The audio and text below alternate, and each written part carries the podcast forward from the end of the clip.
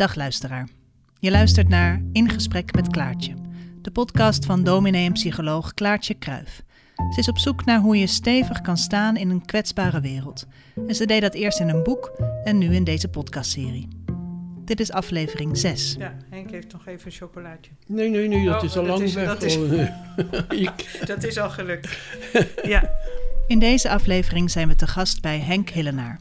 Een man met een lang en rijk verleden en een collega van Klaartje toen zij dominee in de Dominicuskerk in Amsterdam was.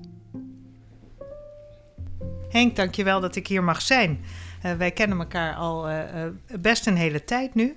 Ehm, ik heb jou leren kennen in de Amsterdamse Ecumenische Dominicuskerk. Daar ben jij voorganger. En ik ben altijd ontzettend graag in jouw buurt. Eh, en dat heeft iets te maken met. ehm, nou, het heeft te maken met de manier waarop jij volgens mij in het leven staat. Eh, je bent 86 geworden in januari. En tegelijkertijd heb je een hele jeugdige eh, aanwezigheid. Een, een, open geest in mijn beleving. Terwijl ik van jou juist ook heb geleerd hoe je de diepte in het leven woorden kan geven. Ik vind dat een hele bijzondere combinatie. Ja, ik, ik heb natuurlijk, ik kijk een beetje op van al die, ik zou bijna zeggen complimenten. Dat ben ik toch niet zo gewend, moet ik zeggen.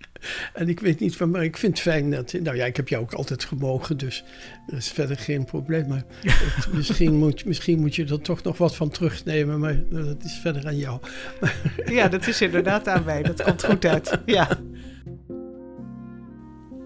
Mag ik vragen hoe het met je is? Nu zo. Het, eh, we zitten nu een jaar in corona. Hoe, hoe, hoe is het met jou? Ja, nou, het gaat, het gaat wel goed met me eigenlijk. Ik vind het een lastig jaar, zeker nu de laatste tijd, want het, wordt, het is gewoon te lang. En ik ben toch nu en dan heel geïsoleerd. Ik heb, er zijn dagen dat ik helemaal niemand zie. En nou, daar, dat, dat lot deel ik met heel velen, maar ik, ik organiseer het wel zo dat ik elke twee of drie dagen iemand zie of naar iemand toe ga. En ik heb mezelf vooral heel veel werk gegeven. Ik werk graag en ik heb leuk werk, ook met de Dominicus natuurlijk. En dat, eh, dat houdt me op de been. En ik ben gelukkig gezond, dus dat is ook nog een, eh, in de eerste plaats een groot voorbeeld, voordeel. Dus ja, ik heb niet te klagen. En, en je zegt, je hebt jezelf veel werk gegeven. Want ik denk dat veel mensen zich geïsoleerd vo- voelen en alleen. Dus, dus wat, is dat jezelf werk gegeven? Is dat je ze bepaalde opdrachten? Of... Nou, opdracht, ik, ja, ik, ik, ik heb, ik, ik- mijn dagen zijn, het klinkt een beetje gek, maar mijn dagen zijn gewoon te kort. In de zin van, ik, ik doe elke dag, eh, ja, heb ik een bepaalde lectuur. Ik ben, ehm, ik moet voor de Dominicus toch het een en ander doen. Die, die, die, die preken zijn voor mij erg belangrijk, ook voor mij in de eerste plaats. Ik preek dan wel voor mensen, maar het is, het is, het is een manier om, om jezelf te realiseren waar je staat en wat je denkt en wat er geworden is. En ik denk altijd, kijk, ik had een hele goede vriend vroeger, die is gestorven, die heette die, Tom van der Stapte en die zei mij altijd, je moet één slag verder denken. Ja. En dat vind ik bijna het devies waarmee ik deze jaren leef. Dat ik voortdurend denk, ja, dit zeg je nu wel, dit denk je nu wel, maar ik wil nog een stukje verder iets. Nou ja, jij zou het misschien de diepte in noemen of zo, maar Ja. ik, hoe dan ook. En nou ja, dat, dus die Dominicus is vanwege wat ik daar mag doen, want het is ook een, een privilege. Het is natuurlijk een, een, een luxe kerk hè, met al die mensen die zo nu en dan wat mogen zeggen en niet, ehm, niet elke week. Maar goed, dat is een, een, een grote gave die mij gegeven is zo op mijn oude dag. En ik heb andere dingen. Ik heb een, een, een, een, vriend die. ehm, ja, die, die, is dus, die woont in Duitsland en die ik niet mag zien. Dat is heel vervelend in deze tijd. Het is toch een beetje de troost van mijn oude dag. En eh, die zit in Hamburg en ik zit hier en we mogen de grens niet over. Dat Ja. is heel vervelend. Maar, Ja. maar ook dat, goed, die, die schrijven we en die, die skypen we. Dat, ook dat hou- houdt me bezig. En nou, zo zijn er drie of vier punten. Ik leer Farsi, hè? dat is, ja, dit is wel het leukste, vind ik. Ik leer op mijn oude dag nog een taal. En de Farsi, het Persisch. Hè? En ja. dat, En dat heeft met deze vriend te maken. hè? dat heeft me die, dat, zo, zo is het gekomen. Ik ben Ja. met hem naar Perzië gegaan, naar Iran. En ik heb ook een, een, dankzij hem heb ik een, eigenlijk mag wel zeggen, een vriendin gekregen. Een, een, een, Iraanse, die hier elke twee weken komt en mij Perzisch leert. En me helpt erbij. En ik help haar met het vertalen in het Perzisch van Nederlandse romans. Dus ik ben nu met Connie Palmen bezig. Dat is verschrikkelijk leuk. Maar goed, ik heb dus een hele hoop te doen. En dat isolement waar ik ze nu en dan ook wel onder gebukt ga een beetje. Ik, bedoel, ik weet dan denk ik, oh god, nee, nu moet ik niet verder gaan, anders dan ga je bijna de depressie in. Ik ben dat is die eenzaamheid waar we ja, Ja, ik ben helemaal geen depressief type, zoals je wel ziet, denk ik. Maar ik weet wel wat het is en ik heb het op het randje. En ik, als ik op dat randje kom, dan ga ik terug en dan ga ik piano spelen of ik ga een tekst maken of ga een mooi boek lezen. Maar goed, dat kan ik gelukkig vanwege mijn verleden. Nee, jij, ben... jij kunt dat randje zien, voelen en weten, ik, ik moet nu even Hier, hier moet ik af, hier dus- moet ik weg, ja. ja, ja. ja en dat, dat lukt jou? Dat lukt me, ja. ja. ja. Dus dat randje, misschien is het ook niet eens zo erg. Maar ik heb wel het idee dat ik een beetje weet wat het moet zijn. Het is verschrikkelijk om depressief te zijn. Ja. Ik heb mensen gekend die het waren. Ik heb het zelf wel eens een beetje meegemaakt vroeger, maar dat ben ik vergeten, denk ik. Dus eh, iets, dat heeft ieder mens, denk ik. Ik heb het wel eens mee. Maar ik, ik, ik weet ongeveer wat het is, ja. En, en dan, dan moet je van hart van wegrennen, want dat is gewoon ja, zoals iemand zei, het is het niets. Hè? Dat is, het, is, het is heel gruwelijk, depressief zijn. Dat je helemaal geen houvast meer hebt, niet meer weet met wie, aan wie, met wat, aan wat. Dat, um, wat staat er tegenover dat niets dan? Dat is dus... Nou, dat is die volheid van het leven. Ja.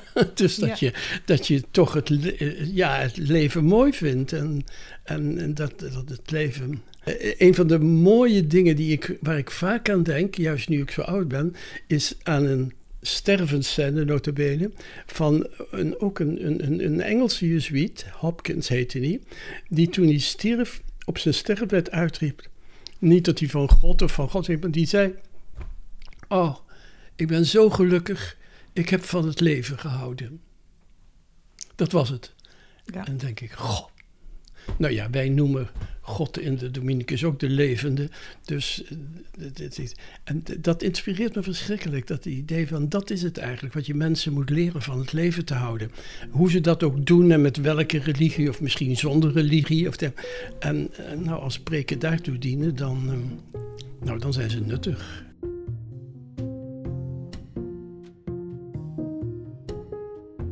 Wat heb jij zelf? Want jij hebt nogal, nogal wat meegemaakt in je leven. Hè? Dus je, je hebt daar ook een prachtig uh, autobiografisch boek over geschreven. Wat, wat kan je in, is misschien niet zo makkelijk omdat het een gelaagd verhaal is, maar in grote lijnen vertellen hoe jij van dat leven hebt leren houden? Want het heeft voor jou ook te maken gehad met bevrijding. Tuurlijk, ja. Ja, ja. Ja. Ik, ik heb dat in het boek samengevat als. Um, ik heb het lichaam moeten ontdekken. Dat had ik in mijn jeugd eigenlijk niet genoeg kunnen beleven. En zeker toen ik naar de Jezuïeten ging, was, was de dat. De Jezuïeten misschien even vertellen, want niet iedereen die dit luistert weet direct uh, wie dat zijn. De Jezuïeten zijn ja, een, een, een, tamelijk bekende orde in de katholieke kerk. En, en, en een, een, intellectuele orde. En een orde die heel veel betekend heeft sinds de contra-reformatie. En ja, die over de hele wereld zit. En, en ik ben daar terechtgekomen op mijn achttiende, omdat ik ehm, vanuit mijn eenzaamheid, ik was, ik was een heel eenzame jongen. Ja, god, ook, ook niet dramatisch hoor, want ik had een heel warm thuis toch. En, maar goed, ik, ik, ik, ik, ik was homo, dat was natuurlijk, maar dat wist ik nog niet, maar ik, ik was gewoon anders dan anderen. En dus ik ben, ik heb bij, ik, ja, bij God natuurlijk, dat was dan toch datgene waar je aan kon vastgrijpen, God, en dat was de kerk. En ik heb me daar, uh, ja, ben, ik ben daar terecht gekomen en ik, ik maar dat hele lichamelijke en seksuele en zo, dat heeft zich pas kunnen ontplooien toen ik ehm, ja, een heel eind in de twintig was. Dus als je zegt, ja, hoe ben je gegroeid? Ik, ben, ik heb dus, de, ik heb dus het lichaam moeten ontdekken. En ja, dat in mijn geval hoor ik bij die 5 of 6 procent van mensen die dan toevallig, god weet waarom, homo zijn. En dat, dat, dat, dat is goed gegaan eigenlijk. Ik heb daar geboft dat dat goed begeleid is. En dat ik nooit vreselijk gediscrimineerd ben geweest en ook veel vriendschap heb gevonden. Maar daarnaast is ook, ik heb natuurlijk ook erg geboft, onder andere bij de Jezuïeten, wat een vreselijk intellectuele orde is, die mij de kans hebben gegeven om, ja, om in Frankrijk te gaan studeren en dus dat hele Franse leven te ontdekken. En wat ik dan de taal noem, ik heb naast het lichaam de taal ontdekt. En de taal, dat is natuurlijk een, uh, hetgene waar een mens mee leeft. Je leeft, je moet, als je, als je kinderen iets moet leren, dan is het, ja, dan is het toch op school dus, dan zijn er twee dingen, denk ik altijd. Dat is geschiedenis, dat ze weten wat er allemaal gebeurd is. En dat ze hun taal goed beheersen, op welke manier dan ook. En misschien meerdere talen, maar in ieder geval om te beginnen het Nederlands. Maar jij bedoelt ook de, de taal om uitdrukking te geven aan, een, aan, de, aan de dieptedimensie ja, van het bestaan? Ja, taal is literatuur natuurlijk. En, en, en, of een taal in, in, als datgene waar je jezelf in kunt vinden. Ik bedoel, de mens is natuurlijk toch iemand die, die spreekt. En, en, om, en dat moet je serieus nemen. Ik bedoel, het is niet alleen om te communiceren. Mensen denken vaak dat taal er is om met elkaar te spreken. En dingen te zeggen en over te geven. Maar taal is er natuurlijk in de eerste plaats om uit te vinden wie je zelf bent en wat de wereld is. En dus het is veel nou ja, jouw woorden, veel dieper dan het lijkt. Taal is, taal is bijna alles in een leven. Als mensen niet meer kunnen spreken, denk nu maar aan wat er nu allemaal gebeurt met die Alzheimer en demente mensen. Vreselijk. Ja, ik moet denken aan wat je vertelde eh, net eerder. Dat als jij nu een preek voorbereidt, dat dat ook nu een ankerpunt voor jou is. Uh, en dat je misschien ook zelfs in deze tijd waarin je zegt: Ik heb ook isolement ervaren, ik weet wat dat is. Maar als je dan zo'n preek moet schrijven, dan, dan, dan ga je taal vinden voor wat er nu oh allemaal plaatsvindt. Hè? Van, van, oh van binnen en hier buiten. En hoe je dat dan. Uh, en misschien is die uitdaging die, die jouw vriend jou ooit ook gaf. Uh, ja, daar gebeurt dan ook iets met die taal. Mm -hmm. hè? Dus, dus misschien vind je dan zelfs wel nieuwe taal. Is, is, mhm. de, taal is de taal door de, dit jaar bijvoorbeeld, gebeurt er dan ook iets met jouw taal? Ja, nou, ik, kijk, mijn, wat, het, het, het grote devies, dat, ik, dat heb ik in Frankrijk geleerd, dat is van uh, een meneer Boileau uit de 17e eeuw. Die zei, cent fois sur le métier, remettez votre ouvrage. Hetgeen betekent, honderd keer opnieuw je tekst doornemen en bewerken. Dus als ik een preek schrijf, dan schrijf ik op en, en, en, en, en, dan lees je de volgende dag voor en zeg je, nou goed, dat is dan. En dan opnieuw en elke dag opnieuw en elke dag verbeteren. En op de duur komt er een tekst. Ik denk dat literatuur allemaal zo werken. Hè? Ik bedoel, ik ben geen, ben geen schrijver in die zin. Maar ik vind het belangrijk dat die taal, dat je precies neerzet wat je voelt, wat je denkt en, en niet zomaar ja, voor de vuist weg. Spontaan is natuurlijk om te beginnen heel goed en dat blijft als element erin, maar het, het moet ook, spontaniteit moet bewerkt worden, zeker in een preek. Communiceer je dan eigenlijk ook met jezelf? ja, en kom je dan verder? Ja, dat denk ik wel. Ik, ik heb nu gewoon, ik weet nu ook, ik, ik wil over bepaalde dingen moet ik. Ja, bij mij, dat klinkt nu een beetje dramatisch, dat is het niet. Maar voor ik doodga, wil ik nog een paar dingen zeggen. Welke, welke, hoe, hoe, wat is dat? En, en op welk terrein moet dat liggen? En nou ja, daar ben ik mee bezig. En dat heeft ook te maken dus met de onderwerpen die ik in de, in de Dominicus dus aan de orde stel. Dan kan ik het zo regelen dat. Ik heb de vorige maand over vertrouwen gesproken. Dat vond ik mooi om dat te doen. Nu moet ik nog zo benen over, over, over Jezus zelf spreken. Wat is Jezus tegenwoordig eigenlijk voor mensen? Of wat, wat, wat voor mij in de eerste plaats? En dat je een beetje van die hele oude theologie weggaat. Want dat is tenslotte ook een heel leven. En dat, dat je alles wat je aan godsdienst. En dat heb jij minder dan ik. Je bent eh, niet in een religieus systeem opgevoed, maar ik ben gewoon rooms opgevoed. Je krijgt je religie met je moedermelk inge, in, ingedronken. En dat hebben wij en dat hebben ook de islammensen. Al die islammensen op wie men scheldt. Maar ik begrijp precies wat er aan de hand is. Dat heb ik zelf ook gehad. Ik zat ook erg vast aan de hemel en aan, aan, aan bepaalde dingen over, ja, God, over het mens geworden woord en over de drie eenheid en zo. Dat is prachtige poëzie en ik wil dat ook niet helemaal weg, maar, maar ik wil dus wel poëzie houden. En, maar goed, nu zit ik op een heel ander vlak, maar dat heeft allemaal te maken met die taal waarover we het hebben. Ik heb het lichaam moeten ontdekken, ik heb de taal moeten ontdekken. En dat, ja, dat is toch een, uh, ook een zelfontdekking, maar een, een, ja, gewoon wie ben je en hoe sta je in de wereld en wat kun je dus voor anderen betekenen. Want een preek is natuurlijk niet in de eerste plaats voor jezelf, maar die twee die gaan in elkaar op. Ja. Hey, hey, en de ontdekking van dat lichaam, bij, bij de Jezuïeten was het voornamelijk elkaar niet aanraken, niet, niet Oh aangeraakt ja. worden. Dat was geestelijk eh, aanraken, maar, Nee, maar nee. het lichaam mocht geen rol spelen. En, en, en, Nauwelijks, of- ja. Althans, zeker het seksuele lichaam niet. Het hè? seksuele lichaam niet. En, en, maar jij werd eh, verliefd. Of iemand werd verliefd op jou. Ja, Zo nou, ik, het min of kijk, meer, dat speelde natuurlijk toch door. Je had, ik, ik, ik, een van de, de, de leukste scènes uit mijn leven is geweest dat ik, Scènes uit je leven. Ja. Mooi, ja, ja. uit ik een 18-jarige jongen, nee, ik was 19, dat er een andere naar mij toe kwam, s'avonds in de tuin van het noviciaat en zei: Ik hou van jou. En ik me absoluut ging, dat heb je waarschijnlijk, dat staat ook in dat boek, dat heb je Dat gelezen. is een hele leuke scène. Ja, Dat vertel is nog eens. En dat, goed, maar ik was totaal onnozel en wist natuurlijk wel ongeveer wat hij bedoelde, maar niet, ik kon daar helemaal niet op reageren. En, eh, maar het is wel, natuurlijk, het had, ik wist dat het daarmee te maken had. En eh, het enige antwoord dat ik kon geven, ik zal voor je bidden, arme jongen, verschrikkelijk. Ja, ja, ja, dan kom je.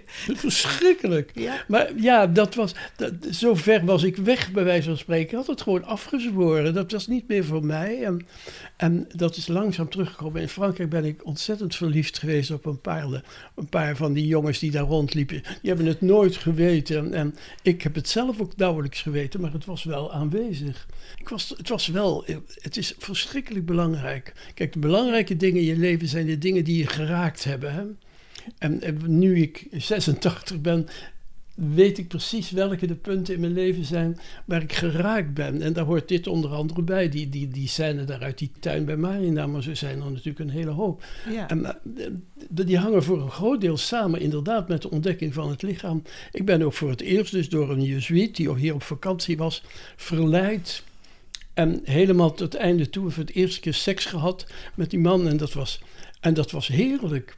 Het, Ja. was, het was een ontdekking. Dat was, en dat heeft me geopend en zo. Maar ja, dat, verder, eh, ik, ik kon daar absoluut niet mee omgaan. Ik wist, ik, maar, want ik wilde toen direct met hem het leven door en zo. En dat was helemaal zijn bedoeling niet. Oh ja, toen, toen dacht jij, ik hou van jou. En, toen schrok hij en, terug en, en dus Ja. dan, nou, ik was zo, ja, god, dit gebeurt, toen was ik 30. Het is bij, ja, ja, ik moet 30 geweest zijn, of 28 of 29. Heel, heel belangrijk, maar heel onvolwassen, heel kinderlijk en zo. Maar zo is dat gegaan, dat Ja. ik...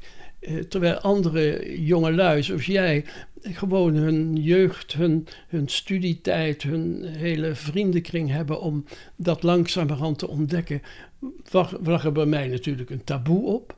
En moest het allemaal, want het moest wel gebeuren. Ik had tenslotte een lichaam en ik had seksuele verlangens. Gebeurde dat? En maar toen ik eenmaal wist, vooral ook na deze ervaring, dat ik homo was, dan, toen ben ik ook gegaan. Ik heb nooit begrepen dat, eh, dat je dan ja, een dubbel leven kon leiden. Dat vond ik heel vervelend.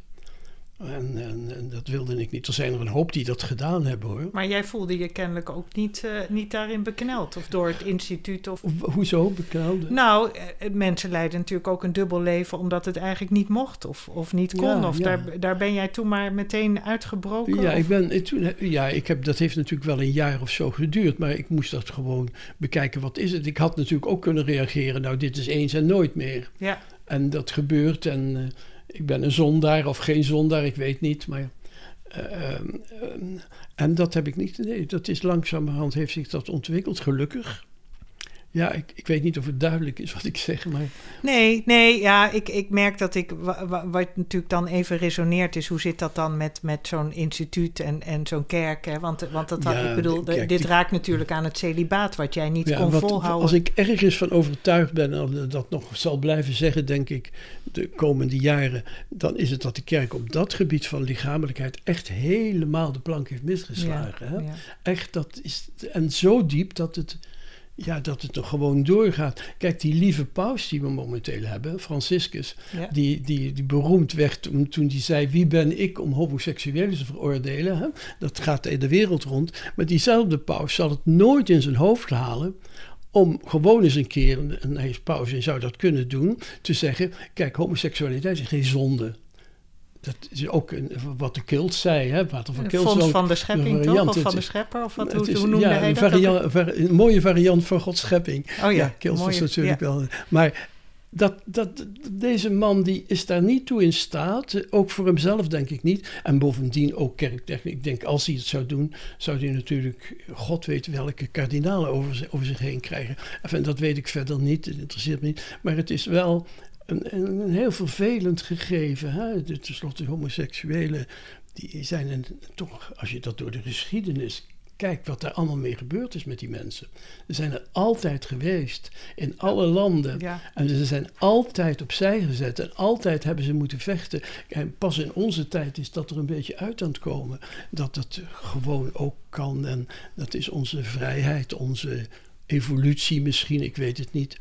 Ik zou daar best nog wel eens wat over willen schrijven. Maar, maar hoe dan ook, ehm, dat, dat is, dat is een, een, kleine verborgen holocaust. Door hele geschiedenis door. Ja. Verschrikkelijk. Mensen werden van de daken gegooid, werden, werden, werden, werden gewurgd, werden in ieder geval de familie uitgestuurd.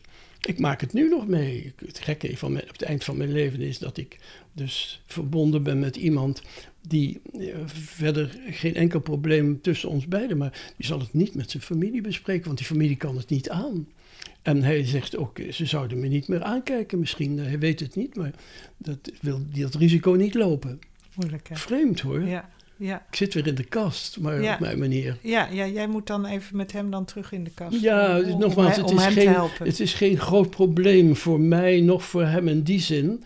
Maar ergens in hem is het natuurlijk wel, hij zal nog veel langer leven dan ik en hopelijk komt hij er dan uit. Maar het is jammer dat dat zo zit. En, maar goed, het is ook weer, we gaan voortdurend zijwegen in het Dat is niet erg, dat, dat kunnen wij heel goed. um, ja, en ik moet wel zelf ook wel een beetje ginniken dat je zegt, ik ben wat uh, laat uh, en, en laat volwassen geworden uh, lichamelijk. Want uh, dan denk ik, ja, maar je bent nu 86 en je hebt sinds een paar jaar weer een nieuwe vriend. Hè? Dat is jou ook overkomen. Dus, het, is, dus, het is alweer... Al wel een tijdje, hè? Het is alweer bijna negen jaar. Negen jaar, nou goed, wat gaat de tijd hard. Nou, goed, ik was dus nog op, jong toen dat gebeurde. Op jouw 76ste overkwam jou een nieuwe liefde nadat je je man bent verloren. En, en daar, ja, daar, daar diep verdriet over hebt jaar gehad. geleden. Ja. ja. Ja. dus zo... Daar staat hij.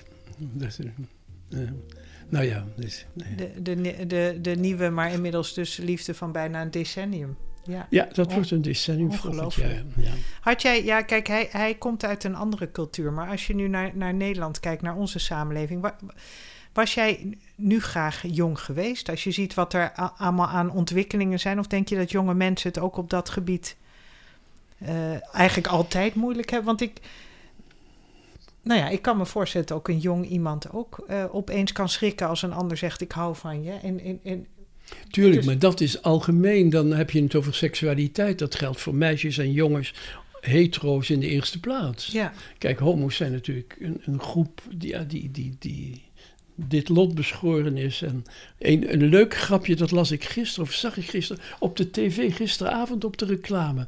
Daar was, ik, ineens was er een, ik weet niet van welke partij of wat dan ook, daar was een, er werd een klas getoond en er stond een jongen op een jongen van een jaar of 16, een aardige jongen. En met, met al die jongens en meisjes om me heen. Ik hoop dat jullie het nog mee kunnen leven, maar ik ben hetero.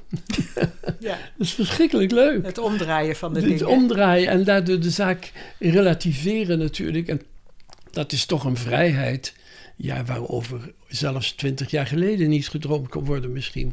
En zeker niet dus 50 jaar geleden. Er is heel veel gebeurd. En ja, wat jouw vraag, wat als ik nog graag jong zou zijn, misschien wel, ja.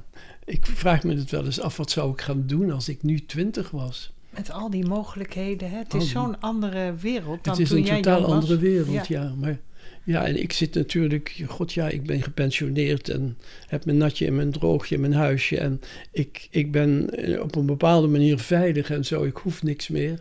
En eh, althans van anderen. Eh, maar eh, die kinderen, ja, maar god, ze, ze krijgen meer kansen en ze zullen het moeilijker hebben, denk ik ook. Omdat het zo open ligt op een bepaald vlak. Maar ze zullen in ieder geval niet meer, althans niet meer in onze eh, beschaafde wereld van het Westen, niet meer zo hoeven te worstelen met dat probleem van dat lichaam ontdekken, denk ik. Het zal altijd moeilijk blijven, Ja. Natuurlijk, seksualiteit is natuurlijk het mysterie waaruit alles voortkomt. En zelfs de hele cultuur is natuurlijk daar ook een vertaling van, hè, een sublimering. een sublimering, Dat geloof ja. ik wel hoor. Ja. Dat, die, die hele libido, die, die is niet voor niks datgene waaruit wij geboren worden. Maar dat wordt in een later stadium natuurlijk. Ja, wordt het de wetenschap, wordt het de kunst, wordt het, en dat is heel mooi. Maar er is ook niets in deze aarde, op deze aarde waar, waar die seksualiteit niet een kleine rol speelt. Waar niet, er is ook niets waar zoveel aan gedacht wordt. Nee. En bekijk het Netflix-programma, alle films gaan daarover. Ja. En dat is gewoon, het zit bij ons allemaal. Het is ook normaal. Het is gewoon de, de, de oerkracht van de mensheid. Waar alles uit voortkomt. Dus en het is totaal eh, raar gegaan dat, of raar dat, dat dat in het christendom zo slecht is ehm, behandeld. Daarin zijn we overigens, dat is een gedachte die mij vaak overvalt, juist nu ik meer met islam te maken heb.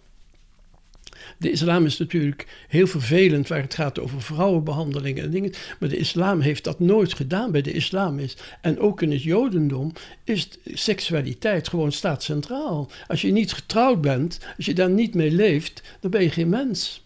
Alleen de christenen hebben het gepresteerd om naar kloosters te gaan en het af te sluiten. En het is heel, heel, heel anders. Want jij, jij preekt vaker ook over de, eh, de islam en het jodendom. Voor jou, jij, jij, jij ziet echt wel grotere lijnen hè? En, en veel overeenkomsten. En jij denkt dat dat ook de toekomst is, hè? denk ik, van hoe we spreken hoop- over ik religie, hoop- zoals ik, ik, hoop jou... Het, ik hoop het, ik hoop de samenwerking. Ik denk dat daar gaat de preek van Palmzondag over. Dat, dat, dat we moeten samen met, als we iets van deze wereld willen maken, als er iets komt van wat wij dan het koninkrijk van God of wat dan ook noemen, dan kan het alleen maar als alle religies samenwerken. Dan moeten we niet. eh, en dan, eh, ik lees zondag ook, of kwam ik zondag een hoofdstuk uit de Koran. een stukje. Ja. Want Mohammed was gek op Jezus. Daar had hij grote bewondering voor. Dat Ja. wordt altijd vergeten. Ja, En, en op Mozes, en vorige week was Noach in de, de dienst. ja, ja. Dat werd door Karel Eijkman. En dus die, die Koran staat vol met Jodendom en Christendom. Alleen Islam wilde daar bovenuit. Ja. Wilde niet dat gesteggel, want wat hij altijd meemaakte, was die twee elkaar op de huid zaten. Nou, dat hebben wij ook voortdurend nog gedaan en op een verschrikkelijke manier zelfs. Het ergste wat er gebeurd is in mijn leven is natuurlijk de Holocaust geweest. Verschrikkelijk. Oh. Als er nou één, ding is wat ik. Ja, niet waaronder ik geleden heb, dat zou te veel zijn. Want eh, ik bedoel, ik, ik zat niet vroeger in dat milieu, zal ik maar zeggen, waar veel Joden waren. Maar ik heb er- in mijn latere leven heb ik veel Joden ontmoet. En nu nog heb ik contact met een vriend die bezig is op mijn leeftijd dus ook zijn autobiografie te schrijven. Die ontsnapt is aan de holocaust. Ik heb er erg veel meegemaakt. En mijn, mijn partners waren... De eerste was eigenlijk Jood en de tweede was half Jood. Ik heb er erg veel te maken gehad. En, maar nu zit ik weer op een zijpad. Maar Nou, waar, wat mij wel eh, interesseert is, jij hebt wel eens tegen mij gezegd, ik had eigenlijk wel in een volgend leven, of in een vorig leven, in een volgend leven had ik wel Joods willen zijn. Heb je Ja. mij wel eens gezegd? Ja, ja, Kijk. dat, zal wel, dat is een tijd geweest dat ik dat gedacht heb. En nog vind ik het een hele aanvaardbare ding. Wat ik bij de Joden zo aardig vind. En dat hebben ze op, natuurlijk op de christenen voor en ook op de moslims. Dat de Joden hebben nooit gewild dat hun godsdienst werd gepreekt naar anderen toe. Ze zijn zichzelf genoeg. Dat kun je ook negatief interpreteren, maar dat hoeft niet. Maar Joden die zijn geen predikers, zijn geen missionarissen. de grote ontwikkeling in het christendom, de laatste in mijn leven. Want ik heb, dat vertel ik de volgende week ook. Ik heb er als jongetje nog aan gedacht om missionaris te worden. En eh, zelfs als jezuïet, want het was net op het randje dat we kregen toen Indonesië viel af en toen kregen de jezuïeten kregen als missiegebied nabije oosten, dus heel dat gebied van de Libanon en Egypte waar alles nu zo uh, moeilijk is. En nou ja, je gaf jezelf dan op. Daar wil ik ook wel naartoe dan, als jullie dat willen. Maar juist die jaren merkte je plotseling dat missionarissen alles deden behalve preken. Ze gingen aan de ontwikkelingshulp werken. En niemand, en in die 50 jaren die ik heb meegemaakt, is gewoon het idee dat wij andere mensen zouden moeten bekeren, is, dat, is dus gewoon vergeten. En uh, ja, ik heb het meegemaakt ook in Frankrijk. Ik kwam in Frankrijk toen als jonge vent, als jezuïet, moest je de fabriek in en mee gaan werken met de arbeiders. Die arbeiders bekeren en het christendom brengen in de fabrieken en op de werkplaatsen en zo. En ja, dat is een vergissing geweest natuurlijk. Ja. ja. Maar ja, dat, dat zat in dat christendom en dit was een, een, misschien is dat een laatste ademtocht geweest het was niet wat moest gebeuren. En momenteel denkt niemand er meer aan. Dat is gewoon helemaal weg, dat missionaris-idee. Men wil tegenwoordig gewoon contacten. De paus is de vorige week naar Irak geweest. Ja, En ehm, mijn vriendin, de, de, Iraanse, was zeer gelukkig dat ze naar Sistami ging. Dat is een zeer, dat is een Iraner overigens die in Irak woont. En uh, was zo gelukkig dat hij dat deed. Niet dat zij erg godsdienstig is, maar zo goed, goed, goed. Eh, dat is een hele goede man, die Sistani. En nou, daar zaten eh, Franciscus en Sistani samen. Dat is een groot moment geweest voor een hele hoop mensen. Ja. Dat is fantastisch. Ja, nou ja, dat Ge allemaal geeft mij ook hoop hoor. Dat, dat lees ik dan in de krant en dan denk ik, uh, zie je wel, dat moet er gebeuren. Dat moet er ik gebeuren. Ik denk dat we dat, wel voelen. Dat, dat zijn ook, jij zegt het is belangrijk in je leven dat je geraakt wordt. En ik denk dat dit momenten zijn dat hele hoop mensen misschien ook wel geraakt worden door zo'n pauze. Dat je denkt, dit, dit, wat je nu doet is, is moedig en nodig. Um, ik wilde jou ook vragen naar gemeenschap. Wat, want jij hebt altijd gemeenschap gezocht uh, in, in, mm in, je leven. Hè? Gemeenschappen. Hè? Een, een, kerkgemeenschap is voor mhm. jou heel belangrijk. Je woonde aan de Keizersgracht, was het, meen ik, hè? Ja, ja. Hiervoor. En daar had je in je huis ook bijna een soort gemeenschap. Hè? Daar woonden oh, gezinnen. En terwijl jij zelf geen kinderen hebt, uh, liepen er kinderen bij je binnen. Al waren het een beetje je eigen uh, familie. Hè? Was het dus wat is de rol van gemeenschap in jouw leven geweest? Wat, wat is daar mooi nou, aan en aan? Ik heb ik, ook daar, net als met de Jezuïeten, heb ik geboft. Want ik, ik, kwam, toen ik de sociëteit, dus bij de Jezuïeten wegging... kwam ik dus in Amsterdam terecht en later Groningen... Um, um, onder de mensen en moest me daar een bestaan opbouwen. En uh, ik had het grote geluk dat ik toen uh, op de Keizersgracht uh, een, een, een hockey vond. Tegelijk met vier of vijf andere mensen. En dat, dat, dat klitte bij elkaar. Dat was de tijd van de communes, weet je wel. Ja. Dat was dat, dat idealiseren. Waar, en dat in de Israël, Israël de, de, Kibbutzen. de kibbutzim ontzettend populair waren. Mensen gingen kijken hoe dat ging en wilden dat hier ook een beetje nadoen. En um, goed, wij hadden iets van dat gevoel ook. En ik heb toen het geluk gehad dat ik met mensen heb getroffen. Na een paar jaar werd dat huis te klein, hebben we samen een ander huis gezocht. Daar hebben we samen bijna 45 jaar samen gewoond. En, ehm, en dat betekende dat je, ja, gemeenschap was daar voor ons.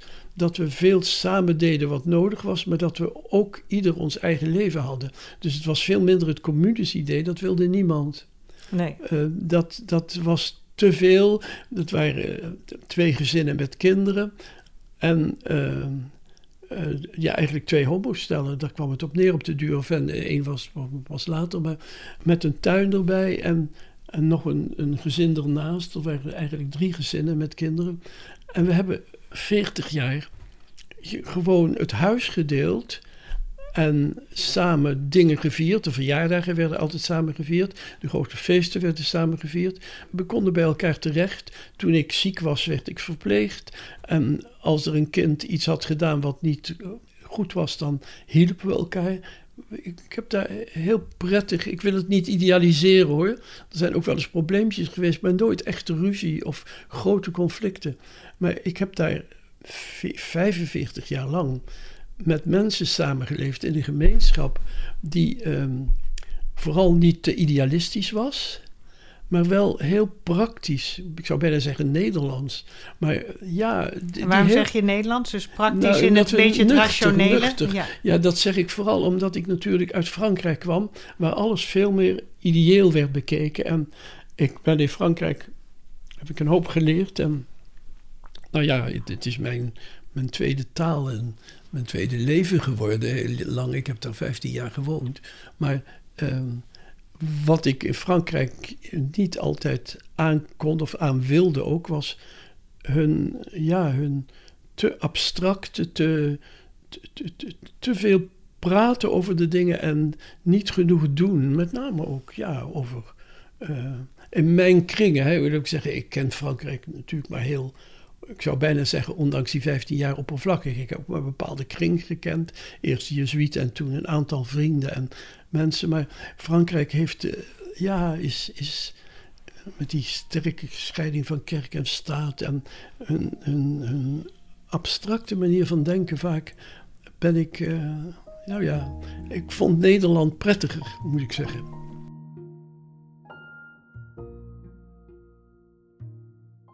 Het aardige is, maar nu zit ik weer op een zijpad, je moet maar kijken. Maar, dat, ik, toen ik mijn relaties kreeg, dat waren allemaal mensen uit Amerika. En ehm, toen ben ik heel erg naar die Engelse kant gegaan. En nu nog uh, heb ik die, al die talen bij elkaar. Ehm, met Ayoub, mijn vriend, spreek ik Duits. Want is het enige wat we kunnen doen. Hij is Duits asiel. Zou je ooit ophouden met uh, willen leren, denk je? Dat, dat, dat blijft bij jou maar... Leren? Ja. Dat is serieus overigens, denk ik, nu je dat woord gebruikt. Ja, zeker. Zo heb ik het nooit gezien. Maar ja, ik ben... Ja, goh. Dat is het enige wat ik goed kon, misschien als jongetje. Ik kon goed leren zoals dat heet. Ik ging niet voetballen. Ging en, en sporten deed ik, deed alle sporten een beetje. En uh, vond ik ook wel leuk, maar niet van harte. Maar wat ik leuk vond was om met woorden bezig te zijn, met taal, met ideeën. Mijn grote, mijn grote wetenschap. Als ik ooit een wetenschap zou moeten gaan studeren nog, dat is het antwoord op jouw vraag van straks. Um, dan zou het histoire des idées zijn. De geschiedenis van de ideeën. Dan zou je de geschiedenis van de mensheid eigenlijk hebben. Of van, van de mens. Wat er allemaal. Welk zijn de grote denkers waar, waaraan je. Ja, je kunt spiegelen, die je wat leren. En. Uh, is fantastisch, ja. ja. Is dat, eh, maar voor jou is dat ook volheid, uh, heeft met volheid van, van het leven te maken hè? en van het leven houden? Ja, ja, het leven is, het leven is natuurlijk, wij zijn, wij zijn dieren die spreken. En de volheid van de mens is toch dat die taal. Dat wij dat kunnen. Dat we over onszelf kunnen. nadenken en dat we dat in taal kunnen ja. omzetten. En dat we kunnen voelen en, en dat kunnen omzetten. Ja, en dat, dankzij die taal is er de wetenschap, dankzij die taal is er hier een microfoon waardoor ik kan spreken. En uh, zit jij op een stoel die leuk gemaakt is. En zo nog van die dingen. Het is allemaal eh, dankzij het woord bestaat de wereld. Je kunt die taal niet hoog genoeg achten en en dus vind ik ook op scholen er genoeg mee bezig zijn. Ik erger me ook altijd als ik aan de radio luister, wat is natuurlijk wel eens gebeurd, dat ik mensen hoor en dan denk ik, oh jee, wat staan jullie te kletsen, om geen ander woord te gebruiken. En wat slecht Nederlands en, en wat een slecht Frans ook. Ja. maar goed, dit zijn allemaal schoolmeesteropmerkingen, dat hoeft allemaal niet zo. Maar ik, wat, wat belangrijk blijft is alsjeblieft, je bent mens, dus je moet je taal eren. En ja, God. Ja, dus ook om, om, om meer te kunnen ervaren, ook van jezelf en van een ander. Hè? Dus, dus jij, dat is een vertrekpunt en een eindpunt. Ja, het diepste woord van het christendom is altijd geweest: het woord is vlees geworden. Dat heeft daar alles mee te maken. Ja. Dat, dat we via onze taal worden we mens. En dat moet heel serieus genomen worden. Ja. Ik heb, uh, ik heb voor jou een, uh, een laatste vraag. Als je nou um, als jij nou een groep jongeren zou toespreken, zo'n beetje de leeftijd van mijn kinderen, die zijn 20, 18 en 16 inmiddels. En uh, ik zou jou vragen, Henk, je bent 86. Wat, wat is nou één ding wat ze echt in hun oren moeten knopen? Wat moeten ze in het leven niet vergeten? Je hebt daar eigenlijk al wel dingen over gezegd. Maar... Ja, oh, het is een mooie vraag, maar daar zou, zou ik een heel verhaal over moeten kunnen houden en zo. En ik weet, dat wil je niet en dat hoeft ook niet. Maar um, ja, ik zou die kinderen in ieder geval, denk ik, willen zeggen dat, dat ze, ja, dat is dat lichaam, dat wil zeggen, eh, volg je gevoel. Dan zeg ik, kijk hoe je gevoel is. En, maar wel met je hoofd erbij, want dat hoort er ook bij, dat je weet wat goed is aan dat gevoel en wat niet goed is. Maar voel je wel vrij om de dingen zelf te beoordelen. Onderscheiding der geesten is uh, een van de grote dingen van de Jezuïeten. Ja. Dat heb ik bij de Jezuïeten geleerd. En dat vind ik, uh, daar ga ik het ook zondag weer over hebben. Ik vind het heel erg belangrijk. Dus ik zou die kinderen zeggen: volg je gevoel. Zorg dat je taal goed is. En het derde, hebben we het niet over gehad, dat is natuurlijk de verbeelding. Uh, waar, waar woord en lichaam bij elkaar komen. Hè? Dat is de verbeelding. Dat je, ja, volg je dromen. Probeer je dromen serieus te nemen. Niet als een gek, maar ook door erover na te denken en zo. En met vrienden en vriendinnen over te praten en zoiets.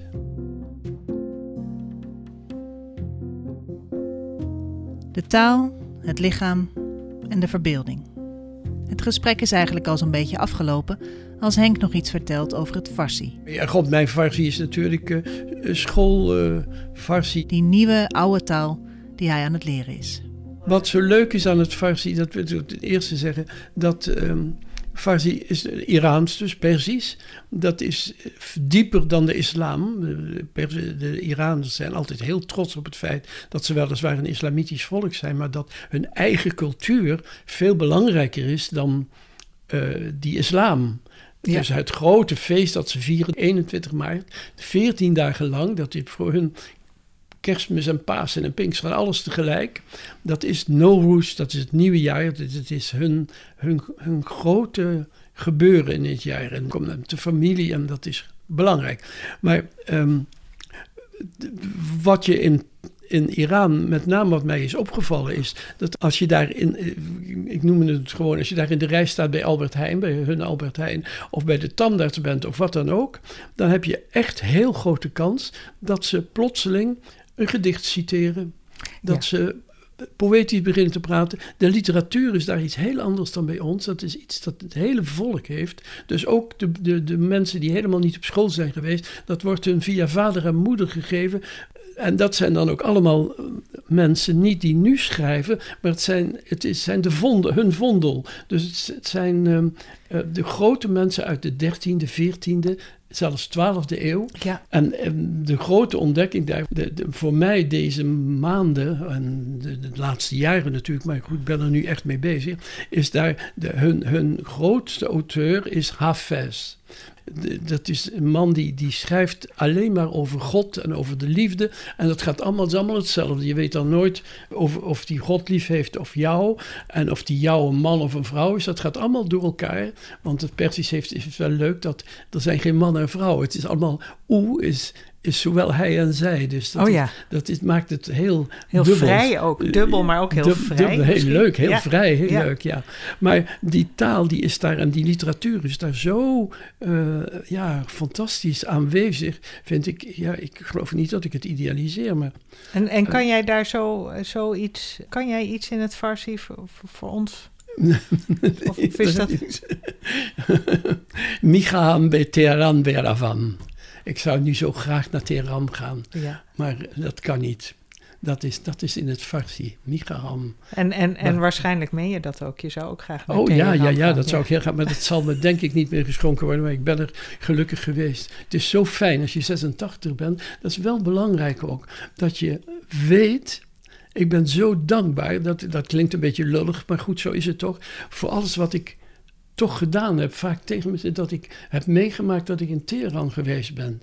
En dat ik ja, zo, dat ik Parijs ken. En dat ik weet, nou, dat is weer iets totaal anders wat een homosauna is. Waar Ja. iedereen op afgeeft en zeggen. Want ik denk dat ik weet, ik heb meegemaakt wat daar gebeurt en hoe dat gaat.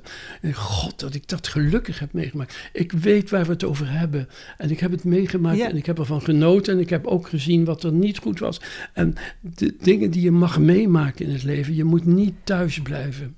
Je moet op reis gaan. Ontdekken. Ontdekken, ja. Ja, je kunt ook de reis rond je kamer maken. Hè? Voyage autour de sa chambre. Dus het reis rond In je eigen kamer. kamer. En Ja. dan is er ook van alles te zien. Van jou heb ik het woord eh, eh, de binnenkant van het leven. Daar moet, ik, daar moet ik vaak aan denken. Heb ik van Mhm. jou geleerd. De binnenkant Ja, maar Ja, van het leven. Je, van het je- leven. Je moet dan wel die dingen eerst aan de buitenkant zien om die binnenkant te begrijpen. Ik denk dat dat ook een fout is van het christendom. Hè? Het is altijd maar met die binnenkant bezig zijn. Terwijl de binnenkant kun je alleen maar goed kennen als je de buitenkant ook kent. En, Ja.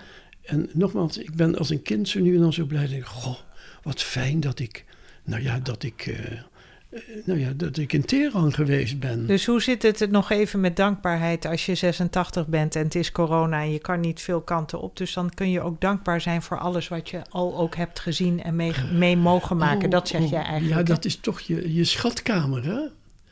Ja, en ik ben natuurlijk toch een, een tamelijk bevoorrecht mens. Hè? Mm. Arjan Broers, mijn, eh, de collega, Ja, weet je wel, uit ja, de familie, die zei... ja. Je bent eigenlijk een beetje een zondagskind. Dat had ik nog nooit zo bekeken. Ik zeg, ja, Ik zou Arjen wel willen aanvullen, want, want eh, wat ik wel zie, ik denk, ik denk dat jij een zondagskind bent, ook omdat jij het leven zo kan ontvangen. De volheid ook kan zien en ervaren. Dat is in elk geval wat ik altijd zo eh, bij jou denk te bemerken.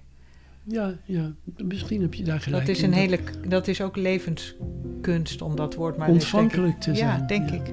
En te Dat blijven. staat, ja. Dankjewel Goed. Henk. Dankjewel. Nou,